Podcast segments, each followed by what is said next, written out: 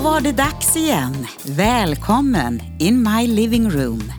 Och jag heter Eleonora Lahti och jag läser ifrån min blogg som också heter In my living room. Idag ska vi ta oss an en text som heter Att göra det obekväma men nödvändiga. Välkommen!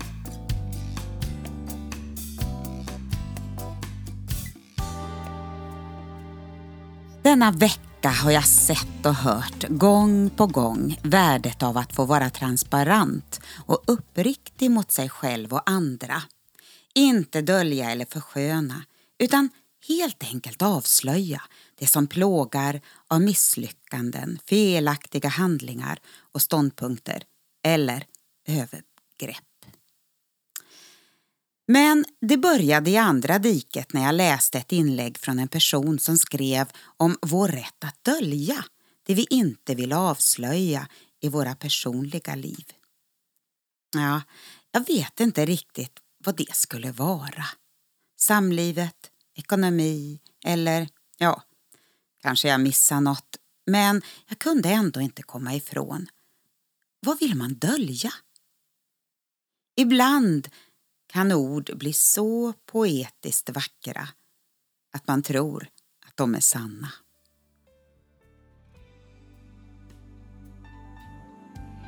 I Guds ord i Amos 8 och 11 där står det så här.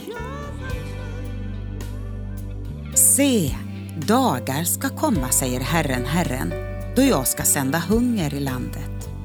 Inte en hunger efter bröd, inte en törst efter vatten, utan att höra Herrens ord.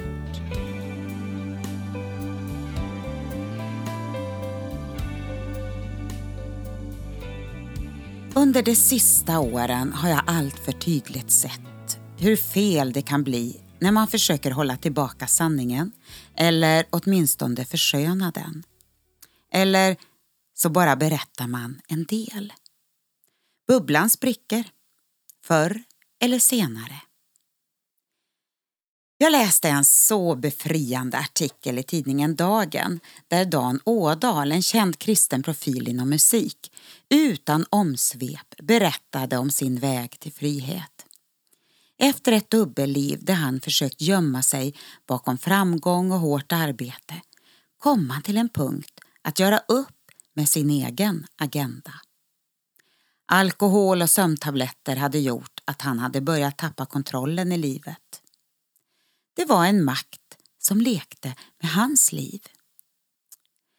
Men att öppna upp de mörka rummen och låta ljuset komma in det var det gudsmöte som förändrade livet och satte honom fullständigt fri. Att våga erkänna inför sig själv och andra så läser jag Lena Morins blogg. Det är en mogen, vacker och insiktsfull kvinna som upplevt det som de flesta av oss aldrig ens kommit i närheten av. Hon har bland annat upplevt övergrepp i familjen som barn och blev tidigt änka. I sitt inlägg Våga se det svåra och agera så skriver hon att sanningen är den som gör oss fria. Hemligheter håller oss bakbundna och oförmögna att leva livet till fullo. Så snälla, våga se och våga vara den som är besvärlig och lägger dig i andras angelägenheter och hemligheter. Så kommer Göran Skytte med sin uppgörelse i fredagens dagen. Hans översättning av en judehatande terrororganisations skrift och deltagande i möten där man skanderade slagorden krossa sionisterna, krossa Israel var bland annat något som plågade hans samvete sedan 70-talet. Fastän åsikterna förändrats sedan den tiden upplevde han att nu nu var det slut med att vara en passiv Israelvän. och så anslöt han sig häromdagen till vänskapsförbundet Sverige-Israel. Han sa, det känns som ett äntligen, men ändå, hur kunde jag? Och så har vi bröderna som anklagats för att ha mördat Kevin. Jag har inte ens kunnat säga något till min flickvän, sa ena brodern som nu är i 20-årsåldern. En befrielse mitt i allt, att få komma ur den fångenskapen att man inte kunnat prata om det här. Även om det nu är oerhört smärtsamt. Vi läser inte Guds ord bara för att få mera kunskap. Om så vore fallet har vi i så fall slagit in på en väg där ordet kan användas som ett slagträ och ge argument i diskussioner. Vi läser ordet för att lära oss. Lära oss att göra och leva rätt. Det man försöker dölja vill utöva kontroll och makt över livet. Börjar man skylla på det ena och det andra backar friheten så försiktigt. Och det fördolda, det dansar sin ringdans med ursäkterna. Att uppenbara det fördolda på livets olika områden för med sig förändringar. Inget kan fortsätta som vanligt om man ska få se den vinnande kraften i befrielsen. Frihet har alltid ett pris att erövra. Att göra det obekväma, men nödvändiga.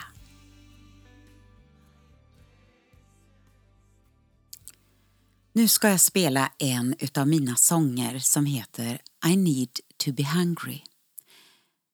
Vi behöver vara hungriga efter Gud, hungriga efter att få uppleva hans kraft, hans liv i våra liv. Att det blir en förändring som verkligen får gå på djupet. Ingenting som bara är en dagslända och som är borta dagen efter. Att leva i den här hungern, i den här längtan efter att höra Guds röst. Få leva utifrån hans ord. Att hitta vägen som är så klar och levande och tydlig tillsammans med honom. Det är vår längtan. Det är det vi ser framför oss. Och nu ska jag sjunga för dig den här sången I need to be hungry. Gud välsigne dig.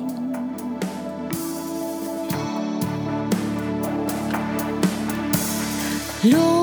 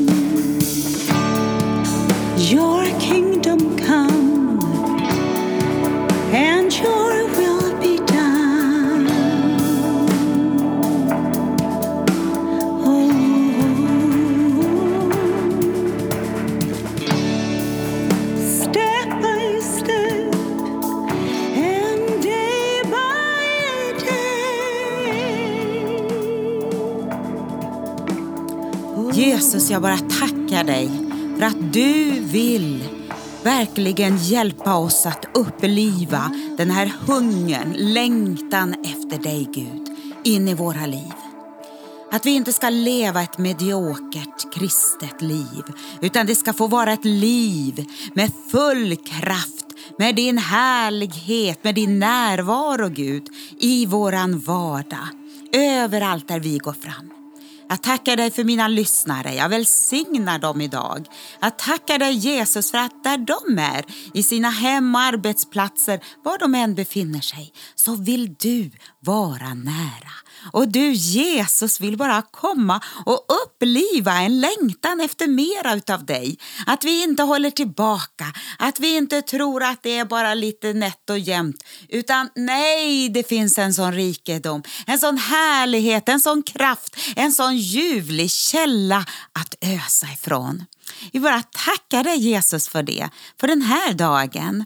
Och så ber jag nu att det här ordet som har gått ut idag om att eh, våga lyfta på locket, att inte dölja saker och ting i våra liv som du vill hjälpa oss med och hjälpa oss att ta tur med och få uppleva befrielse ifrån.